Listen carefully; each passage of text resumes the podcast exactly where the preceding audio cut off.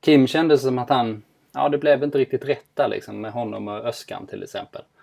Eh, som han för övrigt kallade för Örjan. Jag vet inte om du kände Ja. till det, men det var ju lite... Nej. Jo, som jag förstått det var det lite hån, hånfullt också sådär. Örjan. Mm. Alltså, inte till honom. Antar jag. Tror inte det.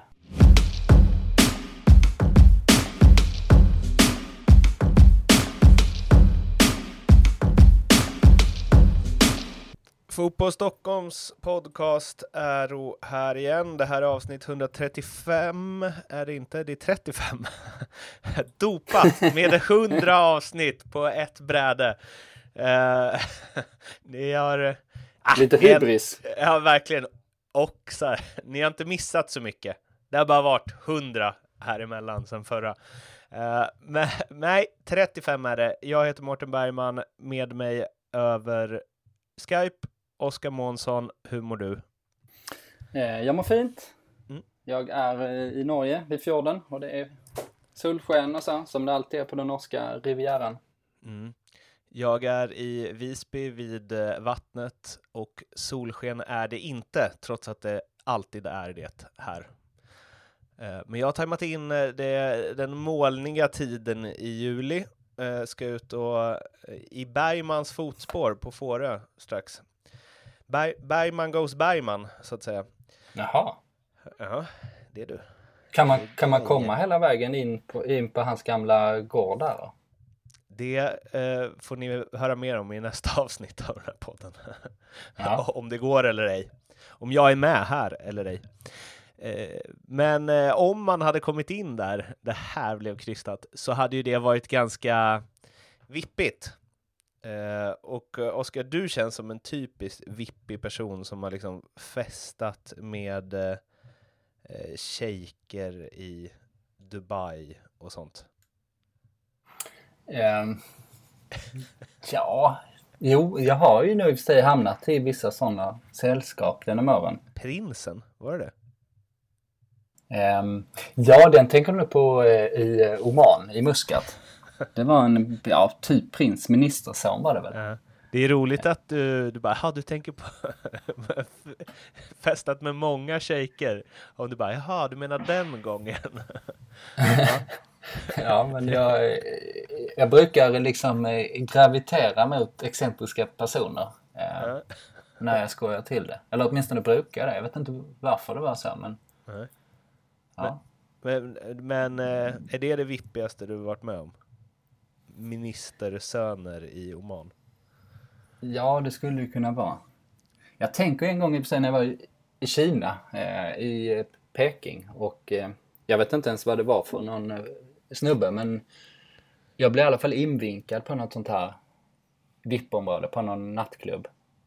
Med, eh, ja det, det satt någon snubbe som var, som förmodligen var high and mighty på något sätt. Med sitt entourage och så satt de där med eh, en sån här whiskyflaska. Jag vet inte om det var fem liters flaska eller någonting. Eh, det fick jag förklarat mig för efteråt att, att, att de hade whiskyflaskor där för att då såg man årtalet på flaskan. Och då kunde man visa hur exklusiv drycken var. Det var väldigt tydligt helt enkelt. Ehm, så det tänker jag på. Ehm, problemet där var att när jag blev bjuden på en whisky var det eh, med grönt te i. De hällde te i whiskyn så det blev inte så gott. Tyckte jag. Nej. Dessutom visade det sig att han pratade bara kinesiska den här eh, snubben som hade, som hade vinkat till mig. Ja. Så vi satt där och drack lite whisky med grönt te och, och kom, utan att förstå någonting. Vad vi sa. Det låter ändå som något. Eller det är ju en kväll man kommer ihåg. Ja, det får man ju säga. Det är väl det som är, det tycker jag att VIP ska innehålla. Nu kommer jag på en, eh, jag hade ju tänkt dra något vippigt jag har varit med om, men eh, Ja. nu kommer jag på ett vippigt ur andra, eh, en kväll man inte kommer ihåg kanske. Eh, Jocke som jag eh, jobbar med på eh, kommunikationsbyrån som jag driver med vän. Han var på wrest wrestling, wrestling i eh, Stockholm nyligen, i Slakthusområdet. och, Ja. och hade fått det av sin flickvän i födelsedagspresent. Och då var det VIP-biljetter. Eh, och så kom de, att vi fick liksom ett sms på morgonen innan att eh, så här, ja men välkomna. Välkomna hit ni våra VIP-gäster och bla bla bla. Och vi, ni, det är någon drink och det är någon öl och det är VIP-platser och så. Och sen när de kom dit så var det, de- dels fick man gå före i kön. Eh, bara det att kön var ju typ 10 pers. Mm. Och du är ju ganska oskön då om du går före de personerna. Eh, så det gjorde de inte. Och sen fanns det ingen som tog hand om dem där inne. Alltså det var lite svårt att veta. Ingen visste riktigt var man skulle någonstans. Men så kom det någon snubbe till slut. Och så frågade väl eh, Jocke vad, ja men det här VIP-biljetterna som vi ändå betalat typ 200 spänn extra för. Eh, vad, Ja, ah, nej men de fick en drink och en öl och sen så kom han gåendes med två vanliga stolar. Eh, att så här, ja men här är så här VIP-stolarna, ni kan sätta er var ni vill. Eh, men, Mhm. då, men då satt de redan vid, vad heter det, när man sitter, alltså ringside höll jag på att säga. Ja, ringside. Ja. Ringside, ja. Eh, och eh, de platserna var bättre än vart man kunde ställa de där stolarna. Så de tackade ju nej till de här stolarna. Ehm, och så frågade Jocke, men hur många, alltså hur många är det som är VIP här ikväll? och bara, nej det är, det är bara ni. Eh, så det var, det var liksom, de hade kanske inte räknat med att någon skulle köpa VIP och så fick de skramla ihop två kontorsstolar lite fort som man kunde sätta vad som helst så att det blev VIP-platser. Så re- wrestling-eventen i eh, Stockholm har lite att jobba på vad gäller glamouren. Är, Ja, å andra sidan kan man ju plussa den för paketeringen där. Menar du De då? sålde in det bra ju, Ja. får man säga. Ja, eller? eller så är Jockes flickvän riktigt lätt... Ja, de var i och för eh, sig de enda som köpte biljetterna också. Ja, exakt. Kanske inte var så bra insålda. Jag var ju på eh, wrestling eh, själv en gång i Jaha. Stockholm och gjorde ett reportage eh, när Frank Andersson gjorde comeback, comeback i ringen. var Aha. liksom eh, det som man marknadsförde eventet med. Det här vill jag läsa känner jag. Och den kvällen eh, som blev eh, totalt eh, galen såklart. Mm. Eftersom sådana events är det och det bygger ju på det. Ja. Slutade med att jag höll på att få stryk av en snubbe. Aha. Som ville spöa mig av någon anledning. Liksom mycket märklig påtänd snubbe. Och då var det Frank som gick in och stoppade honom. Jaha. Han hade din rygg? Ja. Ja, Wow. Det är inte många som kan säga det. Nej, men jag var ju den enda journal- journalisten som var där för att beva- bevaka detta. Ja. Eh, Frank såg storyn försvinna. ja. Det var så jävla kul för att Frank efter matchen när han var klar Ja. Ehm, så skulle han ju eh, ja, gå igång och fe- festa helt enkelt. Så de var ju tvungna att byta om, men det fanns inget omklädningsrum. Så han, byt, han byt, sprang in igenom, vad var det nu? Han, han sprang igenom köket på något sätt. Alltså det var ju någon, eh, oh, vad heter det stället? Göta källare var det. Och så sprang han igenom köket och sen så kom han tillbaks igen liksom. Han hade duschat på eh, någonstans på bara någon minut. Och så sa han, fan det gick snabbt det där. Jag fick springa genom köket och de, de, de undrar om jag sökte jobb som kock. Så. så det var liksom den känslan på hela grejen. Alltså det här kände... Det är... Åh! Vad, vad, det- vad man vill hänga med dig när du berättar sånt här. Det är ministersöner i Oman och eh, nakna Frank, Frank Andersson som försvarar dig i slagsmål.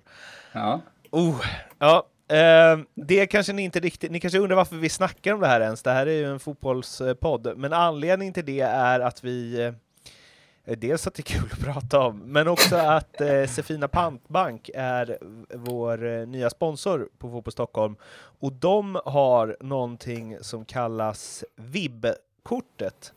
Eh, och det står för eh, Very Important Bajare. De är ju eh, sponsor till Hammarby. Och vad är det här för kort då? Jo, det är ett kort som man kan få genom att eh, värdera ett föremål online hos Sefina Pantbank. Eh, man skickar alltså in en bild på eh, det ja, något föremål man vill ha eh, värderat och då får man också en länk till sitt eh, personliga vibbkort vilket innebär att man kan ta del av massa fina erbjudanden under säsongen. Det är signerade matchtröjor, signerade matchbollar, spelarkort, eh, eh, ja, massa härliga grejer helt enkelt. Och eh, det är, vad säger man, körsbäret på tårtan, säger man så? Mm, ungefär så säger man. Ja, löken på laxen kanske? Eller? Mm. Ja. Har du Det godkänner vi. Ja, vi, vi godkänner vi. Är ju att man kan vinna en plats i vibblåsen eh, som eh, Sefina har när de eh, har matchvärdskapet under derbyt mellan Hammarby och AIK den 22 september. Och eh, det kommer nog bli eh, asfett. Eh, så in på vib.sefina.se så kan ni läsa mer om det här och också skaffa det här kortet ni alla bajare där ute som vill ta del av Sefinas Eh, fina erbjudanden. Och tack så mycket Sefina för att ni är med och gör Fotboll Stockholm möjligt. Nu nog med VIP-historier eh, och istället så ska vi dra lite om vad det här avsnittet kommer handla om. Repriserna som försvann i Armenien varför två av Djurgårdens bästa spelare kunde ha varit i Hammarby istället. Den är spännande. Ja, den är spännande. Varför Ja. Alexander Kacaniklic är allsvenskans mest svårciterade spelare. Och sen så det enda sättet som polisen kan vinna opinionen på.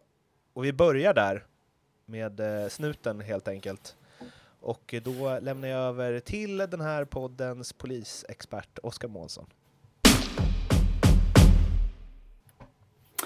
Ja, tack för det. Nu ska vi, polisexperten prata om, om det senaste. Mm. Ehm, nej, det kommer väl egentligen inte bli någon längre utvikning, men det senaste som hände var ju i eh, matchen Kalmar-AIK. Eh, att det var pyroteknik på läktaren och sen gick ju brandlarmet där. Ehm, och eh, det, jag vet inte om de inte klarar att stänga av det, men det var ju igång ganska länge. Eh, vilket i sig är lite konstigt tycker jag. Med tanke på att det var inte sådär jättemycket pyroteknik och det brukar vara det och just brandlarmen brukar inte gå. Men eh, det gjorde det i vart fall. Ehm, och det innebar ju att det blev ett avbrott i eh, matchen. Och efteråt så snackade Rasmus Elm var ju förbannad på eh, pyrotekniken. Den där jävla pyrotekniken, eh, sa han tydligen. Eh, efter matchen, matchen, han fick prata om det. Ehm, och jag tror att det kan vara just det enda sättet för polisen att vinna den bredare opinionen. De har ju en, en massiv eh, motvind kan man ju säga. Totalt sett. Ehm, det är ju inte ståplats mot polisen utan det är snarare liksom fotbollsrörelsen mot polisen. Ehm, men om de sätter det här i system så som de gjorde 2015 Ehm, att man alltid blåser av matchen om det är pyroteknik på läktaren och sen så håller man matchen ganska länge. Det vill säga att eh, det tar tid hela tiden. Då blir det ju precis så som med eh, Rasmus Elm. Alltså spelare och ledare blir ju förbannade såklart. Det påverkar dem sportsligt. Ehm, det blir ju en ny faktor de måste ta hänsyn till. Ehm, och eh, majoriteten av publiken lär ju bli frustrerade. Sitta där och vänta på, på ingenting och liksom man ska hem och parkeringen har gått ut och, och allt vad det kan vara. Ehm, och 2015 när matcherna höll så pass länge, då var det ju, då fick man ju till och med den här dimensionen att eh, ehm, det var i en match eh, mellan Elfsborg och Malmö tror jag det var, när Malmös läkare eh, skyllde en av skadorna som de fick på uppehållet. Vilket mycket väl kan stämma. Det vill säga det var någon sån här baksida lår eller någonting med någonting som typisk skada man får när man blir kall. Ehm, och alla de här grejerna gör ju att irritationen riktas ju rakt mot pyrotekniken. Ehm, de som tycker illa om den tycker mer illa om den. De som inte tycker någonting börjar tycka illa om den. Och eh, de som tycker om den måste liksom försvara den med näbbar och klor liksom. Och det blir ja, någon extra polarisering. Igår så spelade AIK, eller igår när vi spelar in det här i alla fall, vi hoppas väl att det här kommer ut samma kväll så att det fortfarande är igår, som AIK spelade i Armenien. Mm. Det händer ju alltid märkliga grejer i de här omgångarna. När man spelar fotboll på platser man vanligtvis inte gör det.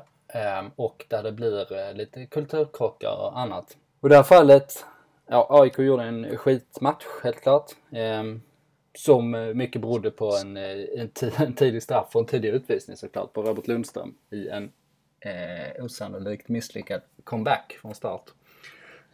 Eh. Men ändå som ett brev på posten va?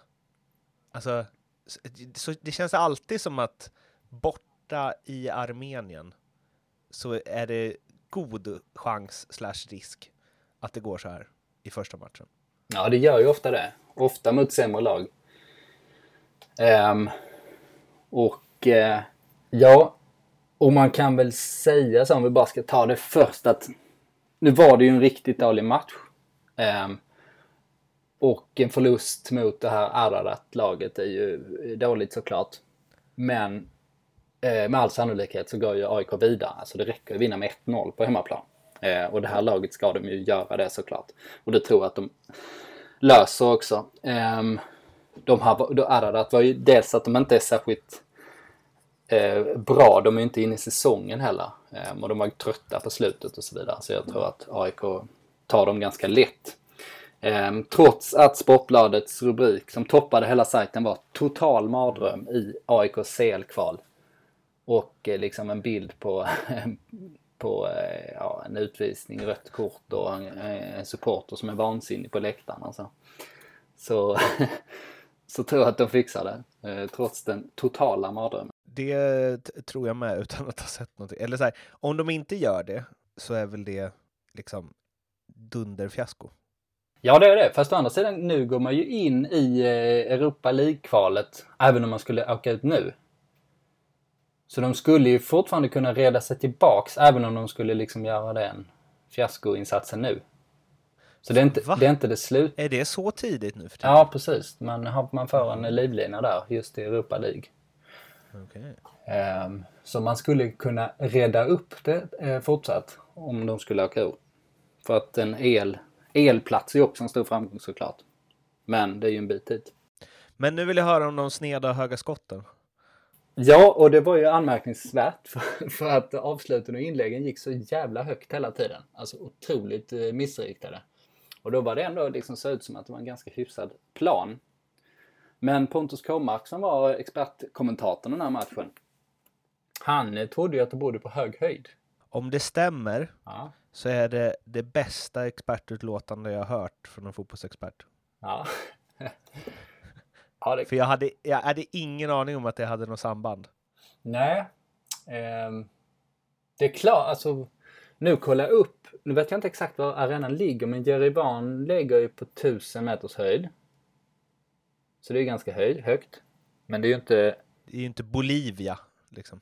Nej, exakt. Det är inte som de matcherna är liksom i, ja exakt, Lima och Cuyito och sånt där. Och Brasilien och Argentina alltid får stryk. Um, men det ligger väl lite i det liksom att det är mindre luftmotstånd och bollen flyger mer. Men han var ju också inne på att bollen liksom att den blir pumpad, på, eller lufttrycket i bollen påverkar det också. Alltså, ja. verkligen en sån grej som, eh, alltså, som folk kanske bara köper utan att kolla upp. Ja, fast de flesta undrar nog mer what the fuck liksom. Men det, jag, jag känner också att det är bra, eh, om det inte alls stämmer, så well played ändå, tycker jag. Ja. jag liksom- tror jag är lite mer what the fuck-läge tror jag just i den här matchen. Men uh, ja, jag, jag lämnar det ändå öppet faktiskt. Har du och Nabbe, ert smsande, vad har hänt sen sist? Ja, det har inte hänt så mycket. Nabbe har, han svarar inte nu när jag skrev till honom för någon dag sedan. Och då brukar det betyda att det är saker på gång eller att det finns oklarheter.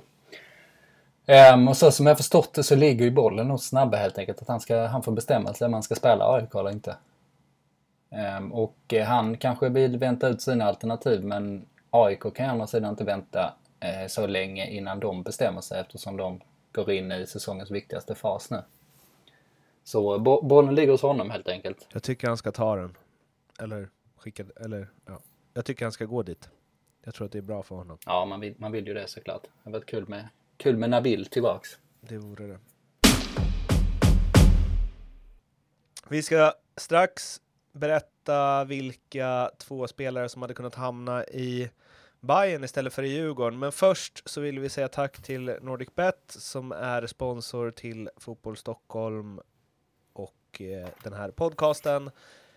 De har också en podcast som heter Ljugarbänken där jag, Lasse Nilsson och Mattias Lindström snackar allsvenskan vecka ut och vecka in.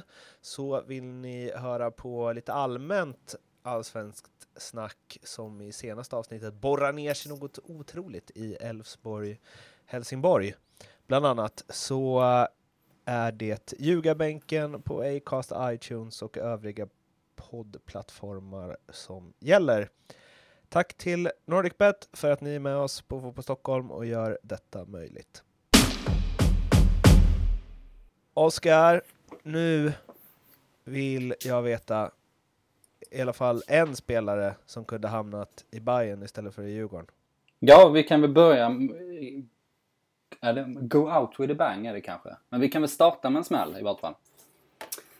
Marcus Danielsson. Captain. Oh, captain. Kunde ha spelat i Bayern istället för Djurgården. Um, och uh, detta är jag eh, säker på, de uppgifterna.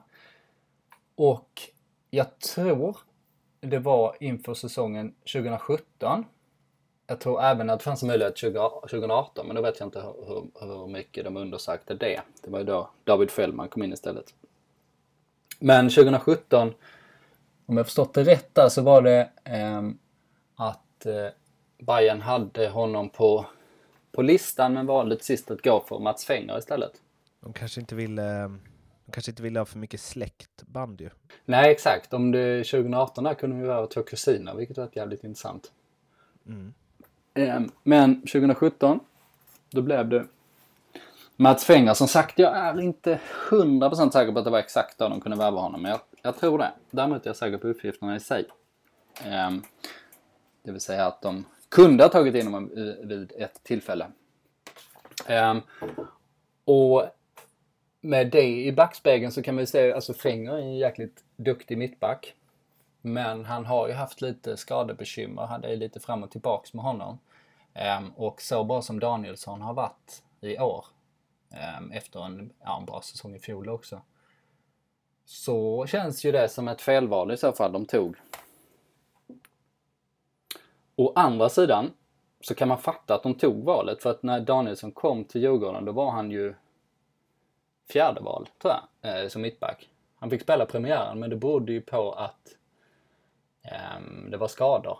Och uh, Une Larsson, Jonas Olsson, nästan Niklas Gunnarsson gick före också. Sen på sommaren kom Erik Berg och han var ju definitivt före i kön. Så Danielsson var ju inte tänkt som någon stöttespelare. Han var ju tänkt som en, den här stabila reserven som man vet att man alltid kan slänga in. Vi har ju berömt Danielsson innan, men jag måste ändå bara säga det här också. Att det är ju imponerande, för det känns som det finns många Danielsson som har hamnat i en sån där situation, gått till ett större lag och sen har det värvats in en Erik Berg och någon mer och sen så har den spelaren gått tillbaka till Sundsvall, Kalmar, Örebro och i och för sig varit lika bra där sen igen, men som inte lyckats stånga sig igenom muren av eh, konkurrens. Det är imponerande att han nu har blivit bäst av dem. Verkligen. Jag kan tänka mig också att han är lite förbisedd eftersom han har ju en, liksom en lågmäld personlighet. Ser inte så jäkla flashig på planen heller. Um, och lång och lite gänglig sådär att, att man kanske inte riktigt har sett hans kvaliteter med bollen. Och att han är så pass bra med fötterna utan att man kanske lite fördomsfullt sett honom som den här, exakt, eh, väldigt duktig huvudspelare som är vass i Sundsvall. Liksom. Eh, och att man på så sätt förbisett de här kvaliteterna som han har eh, visat nu. Och ändå ska man ju säga att det är huvudspelet som sticker ut. För jag, tror jag läste att han hade 87% vinna, vunna dueller under våren. Oj! Vilket låter som det högsta någonsin, någonsin eller någonting. Ja, vad är... Alltså jag tänker, vad har van Dijk? Jag har aldrig sett han förlora en nickduell. Ja, bra fråga. Sen han kom till Liverpool i och för sig. Nej. eh, nej, här, här, borde jag ju ha gjort mitt jobb i och för sig, kollat upp lite jämförelser. Men vi säger att det är typ det högsta man har sett i vart fall. Ja. En, en Pontus K-mark gör vi. Ja. Men eh, sådana där sliding doors eh, ögonblick är intressanta. Särskilt när det handlar om de här två klubbarna såklart. Och, och att liksom Danielsson plötsligt har sån status så att Djurgården eh, gör liksom en påve-kampanj innan de ska förlänga hans kontakt, kontrakt. Ja. Jag vet inte riktigt hur jag ska leda oss in på det här andra du har skrivit upp, men det är ju väldigt intressant kan jag ju bara säga. Det här känns som... Ja, oh, vi hade kunnat ta ett avsnitt om bara det. Tycker jag i alla fall. Ja, eh, exakt. För att Jonas Olsson tog ju plats. Han gick ju före Danielsson. Han var ju kaptenen också. Som... Så skulle man kunna leda in det. Ja, mm. eh, jag så jävla svårt för det inte tycker jag. ja, eh, fortsätt. Ja, så Jonas Olsson tog ju den platsen och då betyder det att Danielsson stod tillbaks. Um, och eh, Jonas Olsson var ju bra 2017 får man säga. Inte sensationell men bra. Eh, 2018 var en flopp totalt sett och han eh, spelar ju eh, till en början eh, får man väl säga men liksom totalt sett med den turbulensen han skapade på egen hand och sånt så var ju det en flopp. Särskilt när man tänker på att Danielsson bara fanns där och att han bara fick stå tillbaks. Helt enkelt. Även om han fick eh, gott om speltid så eh, kunde han ju inte ta den rollen som Djurgården hade mot bra av. Så totalt sett så känns ju Jonas Olsson eh, med tanke på det tonläget och de kostnader som han innebar inte som en bra värvning i eh, när man utvärderar den. Kim Källström. Han spelade 2017 och var ju ja, inte särskilt bra totalt sett. Eh, lyfte ju sig under andra halvan av säsongen när Djurgården började gå bra. Och då, då var han ju en viktig spelare. Men det var också ganska segt länge och spelet gick lite för mycket genom honom. Liksom. Han försökte lite försvåra grejerna. grejer när han inte riktigt hade matchtempo för det. Tycker jag. Och sen la ju han av 2018. Vilket i och för sig inte fick så stora konsekvenser men det sätter lite frågetecken för satsningen där totalt sett liksom. Vad det sänder för signaler och så. Um, så det var ju ingen bra värvning totalt sett. Isaksson får man ju ändå säga att det var en bra värvning. Han var ju bra i två år egentligen. Ehm, och eh, sen tappade han motivationen sista året, vilket märktes sista halvåret kan man säga, när det plötsligt började komma lite eh, tabbar och sådär. Plus att han var så pass trött. Liksom. Han var ju öppen med att han var trött på fotbollen. Att han ville sluta och det sprider inte så bra energi i gruppen heller kan man säga. Eh, men visst, den var ganska bra. Men ändå totalt sett, om man bara betraktar den bara för sig, ganska lågt betyg. Och dessutom när man har pratat med folk där så tror jag att de bidrog till att stämningen totalt sett försämrades. Liksom. De försökte ändra en klubbkultur som Djurgården kanske i och för sig skulle behöva men inte var redo för att göra det. Eh, skapa lite osäkerhet totalt sett liksom om man skulle förhålla sig mot medierna till exempel och, och så. Så, ja, det var nog inte värt det. Tycker jag. Och nu vill jag hålla med och säga emot. Mm. Men det blir roligare om jag säger emot. Okej, okay, men säg bara emot då. Ja, jag säger bara emot. Jag håller inte alls med. för, för eh, alltså jag tänker ändå, dels så tror jag att de behövde det. De kanske inte var redo för det, men de behövde ändå nosa på den grejen. Och att det kommer in tre spelare som är vana att vara på en betydligt högre nivå och som Ja, som ändå någon form av vinnarkultur in i Djurgården, någon form av eh, proffsighet och kanske gå in och ifrågasätta vad Djurgården faktiskt har för förutsättningar, eh, både träning och allt runt det och ställa någon form av nivåkrav och sen om man ska se det till hur eh, vad det resulterade i så eh, tog de ju en Europaplats. och gjorde sin bästa säsong på länge. Och det blev ju också ett eh, cupguld. Så någonstans så det landade ju ändå i ja, men sportsliga resultat och också tror jag att det ändå på sikt, även om det inte var rätt för Djurgården att, att gå dit då, så tror jag ändå att det på sikt det kanske inte leder till att kulturen i Djurgården förändras och så, men jag tror ändå att det är bra att några kom in och rörde om och visade något annat och att så här funkar det ute bland de stora elefanterna. Sen så gör vad ni vill med den infon sen när vi har lämnat. Men att det ändå gav någonting till Djurgården. Mm. Sen, och det är väl där som det blir, om, om jag ska ge dig lillfingret. Nej, det behöver du inte. Det var roligare när du bara sa emot. Okej. Okay. Mm. Ja. För det kostade ju, det är väl det enda. Men eh, jag, tr jag, tror ändå att det var värt det. Plus att jag tänker att eh, det, supporterna fick en jävla, liksom Kim och Isak kom hem. Wow! Det hade jag velat om jag hade hållit på Djurgården. Mm. Ja, absolut. Eh, och eh, det argumentet är ju tungt såklart, åtminstone i en inledande fas.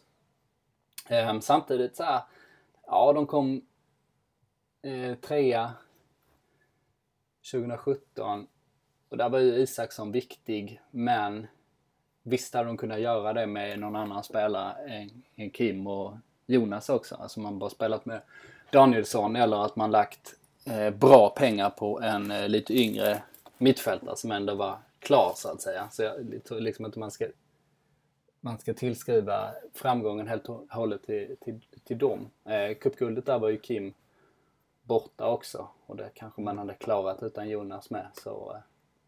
Jag tycker att Kim var bättre än vad du säger.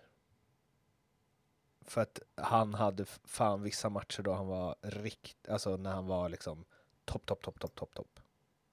Ja. Och han var ändå okej okay i övrigt. Ja. Ja, då, jag håller, håller det lägre. Eh, okay. Men som sagt, jag tyckte han var bra andra halvan. Och man såg att det fanns eh, kvalitet. Men han var liksom topp, topp, topp, topp tolkar jag som allsvenskans bästa spelare i stort sett. Ja, det, men vissa matcher var, styrde han ju totalt, helt och hållet själv. Liksom med sitt passningsspel och alltså, han var ju grym vissa matcher. Mm. Mm. Eller? Ja. Alltså ja, han hade på... ju så här, han hade ju typ 5 eh, plus i liksom kvällisarna i några matcher. Ja, alltså han var väl med i typ så här veckans lag eh, flera gånger och så. Alltså, men det kanske han hade på namnet också. Ja. Och... Eh, ja, nej, jag, jag, jag, ser inte den 5 eh, plus kvaliteten ens när han spelar bra liksom. Okay. Men, men vadå, han, vecka, omgångens lag var han ju med i rätt ofta tyckte jag. Ja. Alltså så här, vad andra tyckte. Men det, det menar, det kan man ju vara några gånger, över 30 omgångar sådär liksom. Behöver man inte ha 5 plus för att komma med där. Nej, nej, men han är, var ju en... Ja, men jo, alltså många matcher. Han var väl en toppspelare i allsvenskan? I alla fall en tredjedel av matcherna? Mm. Eller? Ja, kanske. Jo, absolut. Tredjedel möjligtvis. Men eh, jag säger, jag säger hela, hela säsongen där, där han eh, var den här, eh, lite, lite belastning för laget eftersom han skulle ta så stort ansvar och slå crossbollar som han inte riktigt behärskade. Eh, eftersom han inte hade fått upp tempot riktigt. Och att han inte klarar av att täcka defensiva ytor på det sättet som han förväntar sig av en innermittfältare. Framförallt på konstgräs. Det är ju ett jävla problem där liksom att bollen går så mycket snabbare. Det handlar inte så mycket om att vinna närkamper utan det handlar om att täcka av stora, stora ytor. Och då var han ju liksom inte riktigt rätt spelare där. Sen... Så 2 plus första delen av säsongen och 3 eh, plus i mitten kanske och sen 4 plus på, mot eh, slutet. Nå något sånt, sånt, där skulle jag sammanfatta det. Och sen så efter det så la han ju av trots att han hade ett år kvar på kontraktet. Men eh, jag måste också bara säga att jag räknar inte riktigt in Jonas Olsson i det här. Och där försvarar jag mig själv med att ah, men jag kan väl inte tillräckligt mycket fotboll då, men han var ju dålig. Han var ju ojämn får man ju säga. Ja. Eller så här, i, i förhållande till vad jag tänkte att han skulle vara när han liksom tio år i Premier League, landslaget. Då tänkte jag att wow, general. Ja. Kommer liksom vinna varenda närkamp. Är tydligen bra med fötterna också. Och ska liksom styra det. Jag tror, ja. Men det var han ju inte alls. Han var ju såhär, en, ja, ja en okej mittback. Lite sämre än Viktor Elm. Ja, kanske. Däremot tror jag just att hans inställning eh, före hans utspel och att det börjar bli problem där med att han var missnöjd med truppbygget och de ville inte förlänga hans kontrakt och sånt. Men före det tror jag att han var den typen av kravställare som var mest värd i det, det avseendet. Kim kände som att han, ja det blev inte riktigt rätt där liksom med honom och Öskan till exempel. Eh, som han för övrigt kallade för Örjan. Jag vet inte om du kände till det, men det var ju lite... Nej. Jo, som jag har förstått det var det lite hån, hånfullt också sådär. Örjan. Mm. Alltså, inte till honom. Antar jag. Tror inte det. Nej. Ehm, Men, ja. Ja, nej men så det, den blev inte så bra där. Och sen så Isaksson. ehm, ja, han gör ju sin grej. Eh, och som sagt var jävligt bra i två Men han är inte den som eh, liksom ändrar en kultur. Han är ju mest ja, i sin egen bubbla kan man tänka sig. Men eh, måste också Jonas Olsson, andra intervjun eh, i den här podden på den eh, gamla goda tiden då den hette Bergman 90 minuter var ju med Jonas Olsson precis efter det här eh, tv alltså pausuttalandet där han tyckte att Bosse sålde för mycket. Ja, det var bra timing på den podden får man säga. Eh, och där säger han ju att eh, jag vet inte om vi snackat om det efteråt, men där säger han ju att ja, men att han tycker att det är så lågt i tak i Sverige. Att man inte kan. Men han sa väl att i West Brom så var det, då hade han kommit undan med, eller då kan man säga en sån sak, folk kan ta det, det är raka rör, det är ärligt och så vidare och man behöver inte linda in allting och bla bla bla. Och där var ju inte jag riktigt på hugget när han sa så, men jag tänkte på det i efterhand att om Jonas Olsson hade i en halvtidsintervju, vilket de ju inte har i Premier League, men om de hade haft det, hade kritiserat West Bromwich sportchefs värvningsstrategi så känns det inte som att Jonas Olsson hade spelat i West Bromwich speciellt många matcher till. Ja, det känns inte som de brittiska tabloiderna skulle tänka sig. Nej, det där var, det var inget speciellt. Det får vara lite Nej. högt i tak. Och framförallt hade ju inte den sportsliga ledningen tyckt att fan vad nice att vår mittback går ut och är lite ärlig. Alltså, Mm. han hade ju rykt med huvudet före. Ja. Och, Det stämmer ju inte alls. Nej, precis. Och, och, men nej, jag kan inte göra den fullständiga analysen av det här såklart eftersom jag inte har all, alla fakta på bordet. Men jag har snackat med mycket folk inom Djurgården, både då och nu så att säga. Ehm, och eh, vad det, alltså, det här kravställandet kan ju vara jävligt bra liksom. Alltså, tänk Rosenberg i Malmö. Hur man liksom får man vinnarkultur och sånt där. Ehm, och det är ju bra, men man, kan ju också, man måste ju också ta, ta vara lite på de lokala värdena, hur det faktiskt ser ut. Ehm, och eh, de tre vill ju till exempel ändra hur man förhöll sig mot eh, medierna. Och då är det liksom också tvärt emot det här med högt i tak och raka rör liksom. Utan det var ju snarare att de ville sluta sig och ville ha pressträffar och de ville sätta upp eh, eller de satte till och med upp någon sån här slags eh, rep utanför klubbstugan så man fick inte gå upp på det här trädäcket som är runt klubbstugan. Ett vipprep. Ett vipprep var det, ja precis.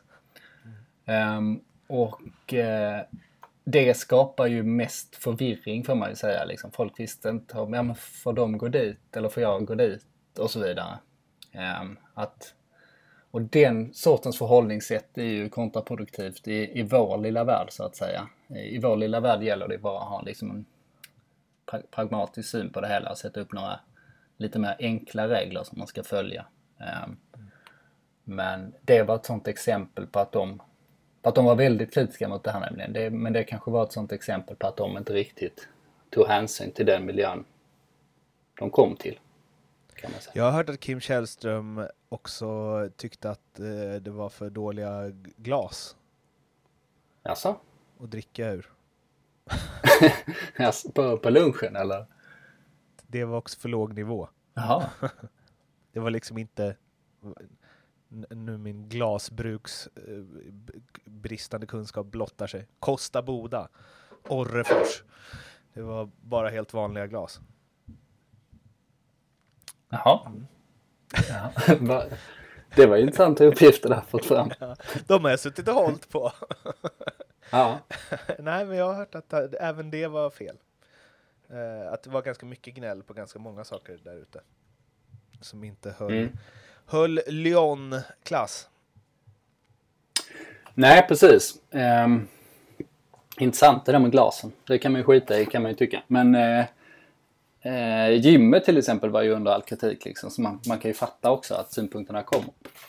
Men uh, en kulturkrock blev det nog totalt sett. Som kanske inte var så bra i längden i vart fall.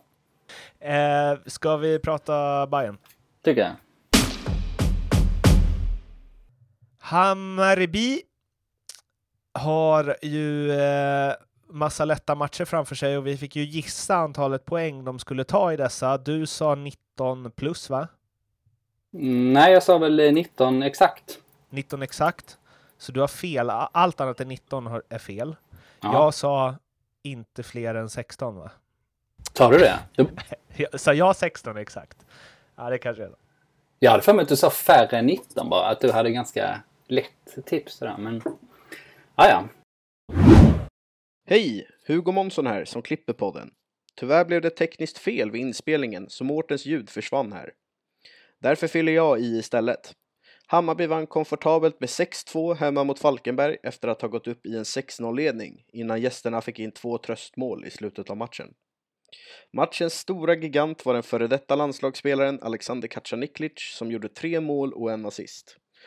Och samtidigt satt Mårten Bergman i tv-soffan och förundrades över att han faktiskt är vänsterfotad.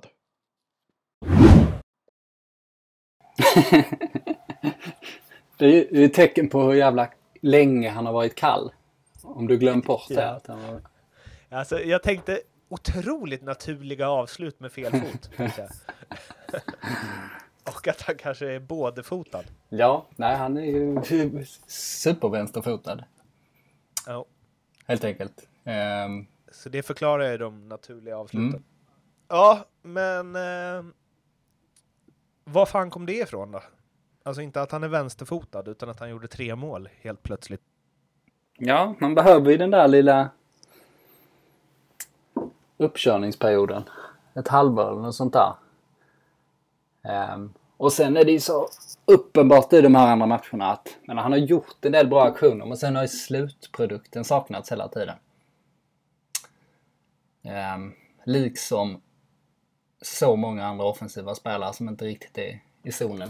Tankovic innan han kom igång till exempel. Att det blir bara fel i det sista momentet och sen så nu när han fick in en boll och lite medvind så släppte bara allting. Och det var ju fi, fina mål han gjorde också. Väldigt fina assist det också. Sådana assist man är svag för. Att eh, en spelare kommer fri men har liksom i, tänkt till förmodligen ett par moment innan. Och slår liksom en blind diagonalpassning. Eh, som till sist leder fram till öppet mål.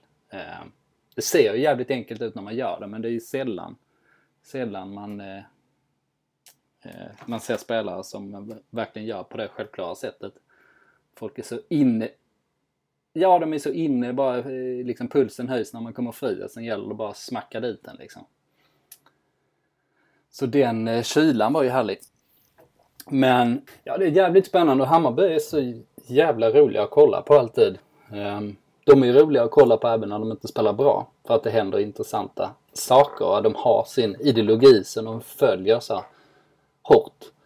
Ehm, att de vill bli bättre och bättre på det de redan är bra på helt enkelt. Snarare än att fixa svagheterna. Det är liksom fokus på att utveckla spelet enligt den Billbornska ideologin helt enkelt. Um, och det gör det ju jävligt intressant och nu har jag precis samma känsla som du. Eftersom om de nu har eh, Kasaniklic istället för Kalili så får de ytterligare en sån eh, X-faktorspelare såvida Kasaniklic har den här formen. Eh, och ja, när Kjartansson är kvar, han längst upp, Djurdjic i en fri roll, Tankovic också ganska fri. Kasaniklic eh, på en kant. Det är ju en jävligt härlig offensiv det där alltså. Nej, men det är offensivt balanserat kan man säga i alla fall. Ja, eh, och eh, kul med alla de här olika typerna av spelartyperna som, som ska spela på eh, sina styrkor. Det är jävligt tilltalande. Jag gillar ju Kacaniklic, jag har varit inne på det förut. Jag gjorde en lång intervju med honom till Sportguiden back in the days när han precis hade slagit igenom och blivit framröstad som landslagets näst populäraste spelare efter Zlatan i en omröstning som Sportbladet hade. Och mm. han var, ja men han var verkligen på väg mot någonting då och vi hängde en hel dag, fotade honom utanför eh, nu ska vi se här, jag har ju gått fel när vi ska mötas där. Eriksdalshallen heter väl det, som inte är Eriksdalsbadet. Just det. Där Hammarby spelar handboll. Där utanför fotade vi honom på någon liten grusplan. Vid, det ligger väl någon skola där också tror jag. Och det kom fram lite kids och han var liksom supergod och han skulle ta med sig matchtröjan men tog med sig Fulhams bortaställ som ingen någonsin sett. Eh, men det blev som det blev. Hade ja. han den och jeans och han var väldigt eh, väldigt tillmötesgående, väldigt ställde frågor tillbaka, var liksom en vanlig avslappnad skön kille som eh, skrattade, skämtade, bjöd på sig själv och eh, ja, sa saker. Eh, så, och det har liksom levt kvar i mig, även om time flies. Så eh, det blir lite av en chock att se honom i intervjuer nu, för du sa ju när jag sa ja, men skulle ha honom som gäst i podden. Du sa ah, han säger inget, sa du. Nej. Jag, Va? Eh, och sen dess har jag kollat på typ, alla intervjuer jag kommit över med honom. Och eh, du har ju rätt, Oskar. Det var liksom inget K-markt eh, utslängt där, utan eh, K-markt, det skulle man kunna göra något med framöver. Ja, faktiskt. K-markt. Ja. Eh, men ehm, han är ju så tråkig. Eller så här, han miss, han liksom snirklar undan allt på ett helt naturligt sätt. Ja, han snackar inte så mycket om eh, lufttryck och sånt där liksom. Nej. det händer inte den typen av saker. men han är, han är fortsatt så här, är snäll och trevlig och tillmötesgående. Mm. Alltså den omedelbara känslan. Mm. Men exakt så som vi eh, pratade om så säger han absolut ingenting. Han säger ingenting som man kan liksom sätta upp i en, en eh, ingress eller en rubrik. Så att han tycker mm. någonting. Um, och för att exemplifiera det så jag skrev ut vad han sa i den här tv-intervjun. Efter att han hade gjort tre mål alltså? Yes, då ska man komma ihåg det. Att han hade inte gjort mål. Han, hade inte gjort ett enda tävlingsmål på fyra år. Eh, och nu smällde han dit ett hattrick. Ehm, och då säger han så här, sa han först så här, det var skönt för egen del Eh, speciellt att vi vinner ganska komfortabelt. Eh, men det är synd att vi släpper in två mål på slutet. Eh, och sen är det Daniel Kristiansson, kommentatorn, som frågar eh, om det är något extra, eh, eller något mål som han är extra nöjd med. Alla tre egentligen, svarar Kasaniklic. Eh, men det var fina mål, säger, säger Kristiansson. Ja, de var fina, svarar Alex. Um, och, och sen kommer en fråga som handlar om eh, um, ja, första halvan på säsongen och sen slutar den med det känns som att du har kommit igång. Eh, och då säger Krasniqis absolut. Eh, det är enkelt att säga efter den här matchen men jag har jobbat på bra på våren och jobbat, bra, jobbat på bra under uppehållet och är redo för höstsäsongen. Eh, och sen eh, Kristiansson pratar om eh, att de är väldigt bra på hemmaplan men sämre borta. Och eh, då blir frågan till sist, eh, hur ska ni få ordning på bortaspelet för att kunna klättra i tabellen? Eh, då svarar Alex, det stämmer det du säger. Hemma är vi jättestarka, eh, men borta har vi haft det lite tuffare. Och för att klättra i tabellen behöver vi ta poäng på bortaplan. Eh, det är något vi får jobba på. Och det är favoritsvaret för övrigt. Att den, slutsatsen är det att för att klättra i tabellen behöver de poäng. Um, och sen så, sista frågan där. är lite, handlar lite om vad de har snackat om för att förbättra sig på bortaplan och då blir det till sist, är det målen som uteblir eller vad, vad är det ni har snackat om egentligen? Um, ja, det är lite det att målen uteblir. Om man tittar på förra veckan mot Häcken så skapar vi chanser men vi har otur. Men vi skapar chanser både hemma och borta. Uh, men det gäller att kontrollera matcherna på bortaplan. Så. Ja, det är det. Bjuder lite där i alla fall. Okej, ni ska kontrollera mer. Mm. Men då är intervjun slut. Ja, precis. Men det var väl... Det var ju, det var ju ett svar åtminstone. Nej. Nu vill man veta mer. Om kontrollerandet. Ja, precis. Jag tror inte den vinkeln hade lett till något revolutionerande heller. Nej. Eh, men det är ju... Eh, Nej, att det känns som guldet i den här gruvan säger ju ganska mycket om gruvan. Ja, det får man ju säga faktiskt. Mm. Um, Men det är fötterna som talar, Oskar. Så är det. Det kan ju vara lite så att han är... Det blir väl kanske ofta så, alltså, i och med att han var så jävla het där ett tag. Um, och allt han sa blev rubriker så kan man väl tänka sig att han bara lärde sig svara på ett sätt som inte gav rubriker helt enkelt. Och sen så är det det som gäller fortsatt. Det kan vara din intervju som ställer till det. Det kan vara den som är eh, roten Boven i dramat. men, men, eh, och där, den såg jag inte. Vilken backstab! Fan. Det är jag, jag är felet till det jag nu gnäller på. Ja, det känns som en, eh, en vattentät teori just nu. Ja, det är också den enda vi har. Men jag vill verkligen bjuda in honom till den här podden och sen så vill jag läsa. Jag gjorde ju det när jag intervjuade Mojtankovic under tiden efter 60 minuter fanns. Då frågade jag om han var kaxig, om han eller om han tycker att han är kaxig, och så sa han att han inte tyckte det. Och då läste jag upp det kaxigaste citatet jag kunde hitta med honom. Mm. Eh, och då började han ju skratta. Och så sa han att var man liksom på väg att snirkla sig ur det, men eh, erkände till slut att ja, det kan, kanske kan låta kaxigt. Han sa ju något så här att de som kritiserar mig nu kommer få äta, kommer få tillbaka sin egen kaka eller något sånt. Ja. Eh, och eh, ja, det var ju 100% kaxigt. Och så vill jag göra med Kacaniklic. Jag vill läsa upp de här svaren och sen vill jag att vi går igenom det, hur han känner kring det. Ja, men det är bra. Så han kommer tillbaks igen, slappnar av lite, tycker lite. Tänk sig att han är hemma i trygga, fina allsvenskan där vi... Oh. Vi kanske ska göra den på eh, grusplanen utanför Eriksdalshallen. Ja. Be honom ta med sin gamla Fulham-tröja. Det kan vi göra. Vi spelar in en podd där helt enkelt. Mm. Ni är välkomna som publik. Är de där de spelar bandy på vintern förresten? där? Ja, jag tror Jaha. det. De spelar is på den där planen bakom eh, Eriksdalshallen. Jaha. Vilka spelar där? Ja, det är nog bara hobby, hobbyspelande. Mm. Med tanke på hur Bayern Bandys ekonomi sett ut senaste tiden så är det väl inte helt omöjligt att deras matcher ligger där i år också. Så kan det ju vara. Men eh, Ja, vi det låter ska, vi vara osagt. Vi kanske ska eh. snöra på en ett par skridskor och köra intervju. Jag vet inte om det adderar någonting. Men det kanske blir mer kul helt enkelt. Ja, bra, bättre bilder. Ja. I alla fall. Du, vi ska vi ta och runda av det här med lite spektakulära uppgifter del två?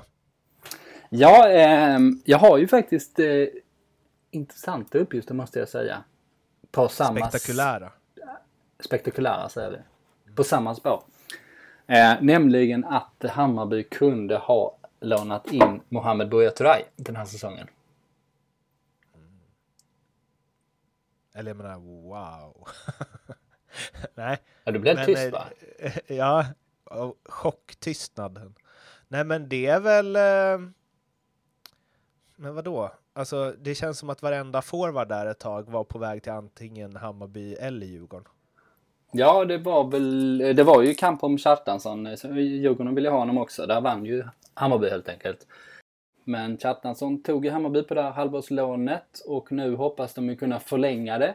Vilket än så länge ser svårt ut, men eftersom Kjartansson vill det så gärna så finns det ju alltid en liten möjlighet att det blir på det sättet. Um, men... Men Boja versus Kjartansson där då?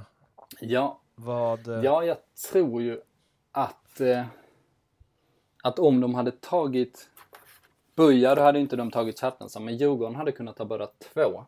Det var väl tanken där, eh, för de hade redan Buja. När de eh, högg på Kjartansson, för de ville ha eh, lite alternativ.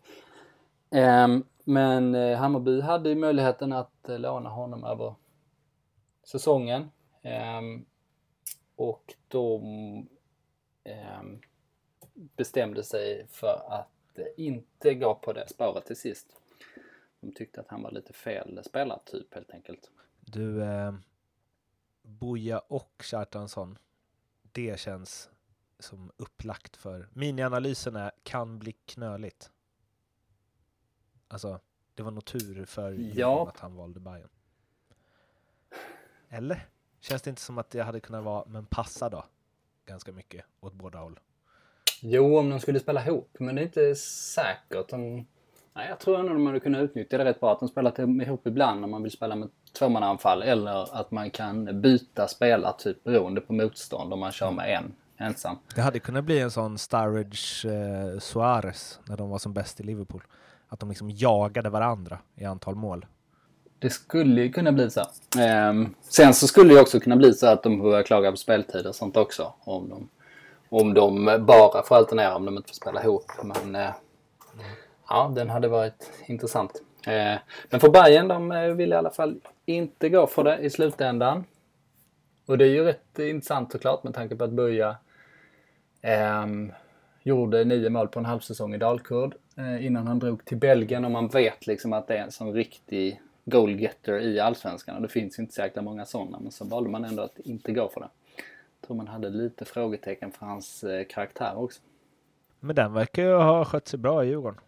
Ehm, ja, han, eh, han har ju en historia av att hamna i eh, kontroverser. Han eh, var ju öppet bråk med AFC om kontrakt på något sätt. Eller är väl kanske i öppen konflikt med dem. Och han eh, har ju, ja han är ju öppen konflikt med hela, med, med nationen Belgien. Där, verkar det som. ja. Men det känns som det alltid strular med spelare som spelat i Ja. Allsvenskan. Det är alltid något. Ja, eh, så du står i Buja vs Belgien-konflikten står du alltså på Bujas sida där. Ja. Ja. En av mina favoritkonflikter Ja. också. All time. Ehm, nej men han har, han, har ju den, eh, han har ju den historien i vart fall. Så då kan man ju förstå att man sätter lite frågetecken för det. Ehm, Bayern med Danielsson och Boja. mm. Vad hade vi haft dem då? Ja, då tänker vi väl säga att det är utan Fenger och utan Kjartansson. Men nu tycker jag också att Kjartansson passar bättre i Bayern så som de spelar än vad Buja hade gjort. Eftersom Buja spelar lite mer för sig själv. Eh, sådär. Han har ju en jävla spets liksom. Han kanske inte riktigt passat in. Å andra sidan, man kunde vara liksom den här Dibba-typen. Den här eh, explosiva spelaren som går i djupled. Men Buja är lite annan typ. Ehm, eh, är framförallt lite bättre avslut än Dibba. Ja, svårt att säga. Vad, vad tänker du? Att eh, saker blev som det blev av en anledning. Och så, så ska det vara. Nej. Eh, jag vet inte. det är väl eh, hugget som... Alltså Danielsson hade ju varit bra att ha i Bayern. Men Boja eller Kjartansson, det känns som det är skitsamma. De kommer göra ungefär lika många mål och så. Eller ja, Kjartansson kommer ju kanske försvinna nu. Då kommer han ju inte göra det. Men det känns verkligen hugget som stucket. Jag tror att det var bra. Jag, tror, jag håller kvar vid att jag tror att det var bra att Djurgården, för Djurgården att Djurgården inte tog båda. Mm. Ja, och för Hammarby, det får man ju väga in. Jag tycker som sagt att Kjartansson passar bättre i spelet. För de behöver den här straffområdesspelaren. Det var väldigt tydligt i fjol att det var ju det de saknade, den konstanta närvaron i straffområdet. Um, men å andra sidan, om de bara har Kjartansson där halvåret jämfört med Buja ett helt år så ska man också väga in det. Att eh, det spelar roll. Jag hade varit sugen på att se Boja Kjartansson samtidigt i Djurgården som Jonas Olsson och Kim Källström var där. Det hade kunnat bli en sån. Det hade det definitivt kunnat bli. Men det var det hela.